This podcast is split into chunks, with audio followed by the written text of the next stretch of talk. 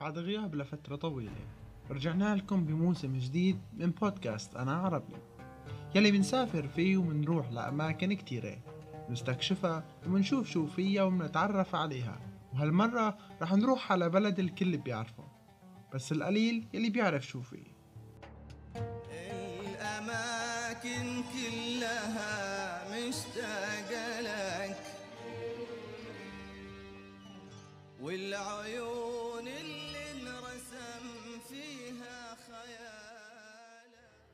رح أعطيكم تلميح بسيط عن هذا البلد. مساحته كبيرة مقارنة مع جيرانه ومساحة هاي الدولة أغلبها عبارة عن صحراء. أعتقد أنكم عرفتوا مين البلد.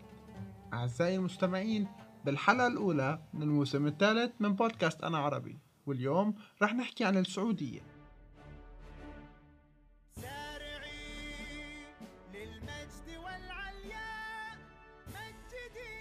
تقع السعودية بأقصى الجنوب الغربي من قارة آسيا يعني من تحت على اليسار على يسار البحر الأحمر ويمين الخليج العربي والإمارات وقطر.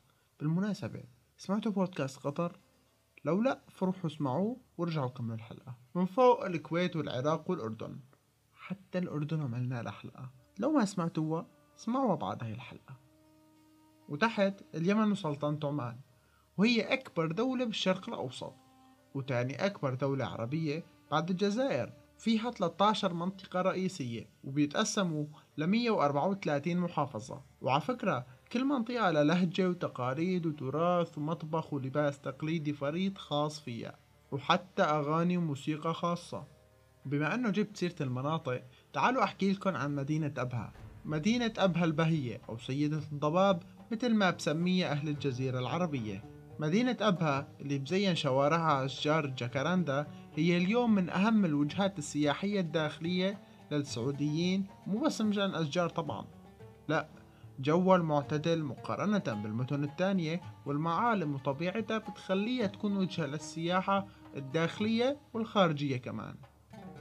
ومساحة السعودية إجمالا واسعة فبالتأكيد تضاريسها متعددة. فمثلا على امتداد البحر الأحمر في سهل تهامي الساحلي. ومن شرق السهل تجي سلسلة جبال السروات ومن هاي الجبال تنحدر أودية كثيرة مثل وادي نجران وجازان ووادي تثليث ووادي بيشة ووادي الحمض ووادي فاطمة. ومن شرق هاي السلسلة منلاقي هضبة نجد يلي بتنتهي بكثبان الدهناء وصحراء الصمان وتضاريس أخرى وصولا لصحراء الربع الخالي.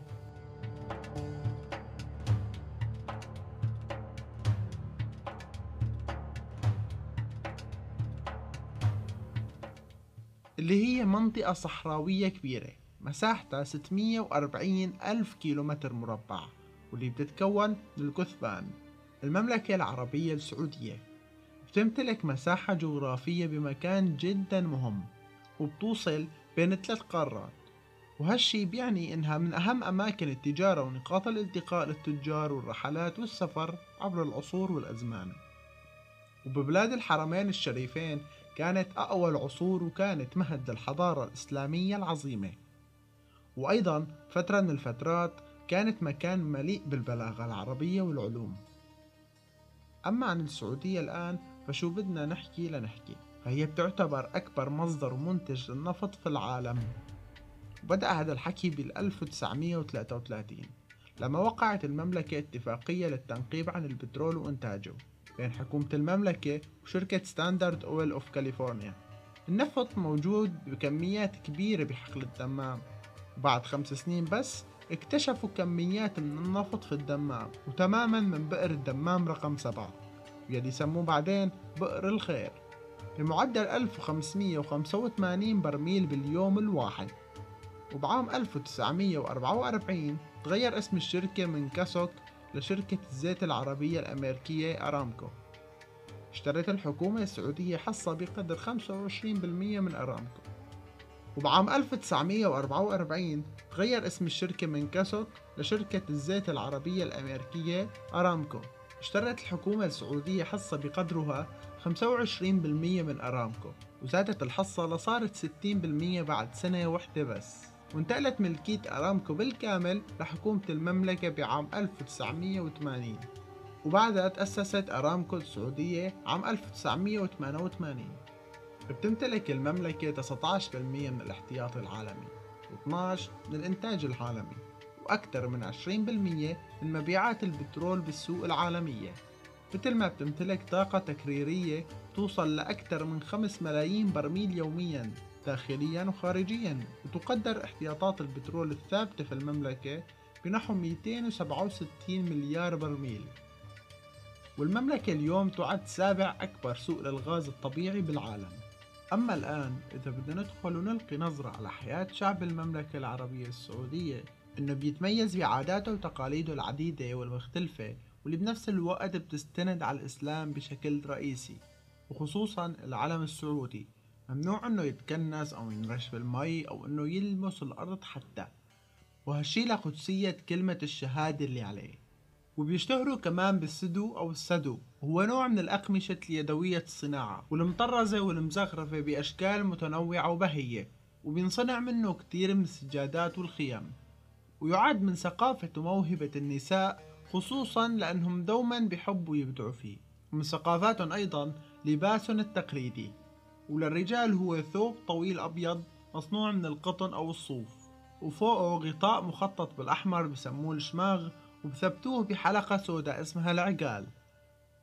وأما للنساء فهو عبارة عن غطاء أسود فضفاض يسمى العباية والحجاب أو النقاب. ومن أحلى العادات للشعب السعودي هي الاستقبال والكرم وحسن الضيافة. قم حي ضيفك يا ولدي يا هلا. يا هلا بالضيف. والضربة اللي جابت الضيف. السلام عليكم. وعليك السلام ورحمة الله وبركاته. تفضل إي والله يا هلا يا هلا يا هلا. هلا ورحب. هلا بيك من ممشاك الملقاك.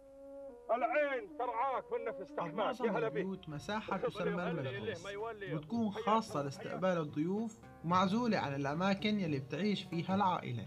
وأما عن أجواء الصحراء وما أدراكم ما أجواء الصحراء. فلما بدهم يدللوك بيعزموك على الصحراء. لحتى تعيش الأجواء السعودية الأصيلة وعلى كيف كيفك بينصبوا الخيمة وبجهزوا القعدة العربية مع ريحة القهوة السعودية وأكيد بتعرف إنه الذبيحة للضيف شي مهم طب ممكن حدا يطلع من الجنب ويقول لي طيب بالأخير شو في يعني بالسعودية هل تستحق إنه حدا يزورها كسائح؟ ها عن جد؟ هل ممكن إنه حدا هيك يسأل؟ خليني أذكر لكم شوي من الأماكن يلي ممكن تزوروها غير أبها يلي حكينا عن قبل شوي.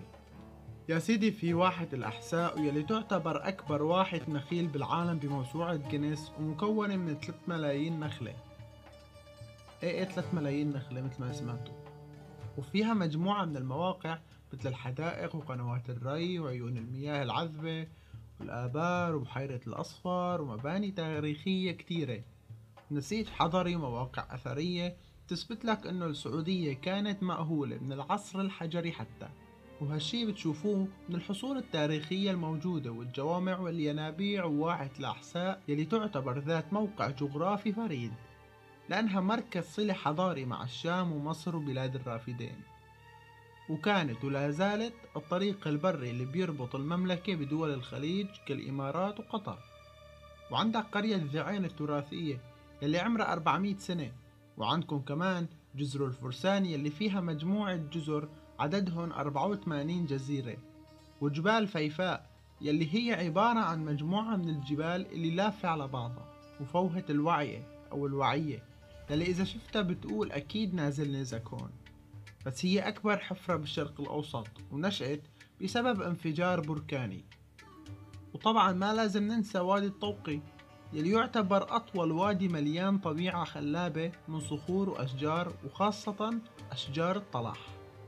ولسه كمان وكمان وكمان وكتير وخاصة مع التقدم الملحوظ يلي عم تحققه المملكة العربية السعودية. فسنويا الأماكن السياحية يلي ممكن تزوروها وتستمتعوا فيها عم تكتر وتكبر. وأما القسم المفضل عن جميع المستمعين وأنا متأكد من هذا الشيء. الأكل. خلينا نحكي عن الحلو واللي هو التمر غالبا لأنه التمر بيدخل بأغلب الحلويات السعودية. خلونا نذكر شوية أسماء حلويات وبنبدأ بالمعصوب السعودي وحلا الحيسة من الحجاز والقرص العقيلي السعودي والمصابيب والكليجة السعودية والعصيد بالموز والمعمول بالتمر اللي بيتقدم بالمناسبات وخاصة بالأعياد وحلا العيد التقليدي الديبازة أو الدبيازة وما راح نخلص حكي عن السعودية. يلي عم تتطور وعم تحاول تكون مو بس معتمدة على النفط. فاليوم السعودية عم تحاول تكون من الأوائل الدول عالميا بالمجال التكنولوجي. فب 2017 أعلن الأمير محمد بن سلمان عن مدينة The Line تعد The Line سلسلة من المجتمعات الإدراكية المترابطة والمعززة بالذكاء الاصطناعي وخالية من الانبعاثات الكربونية.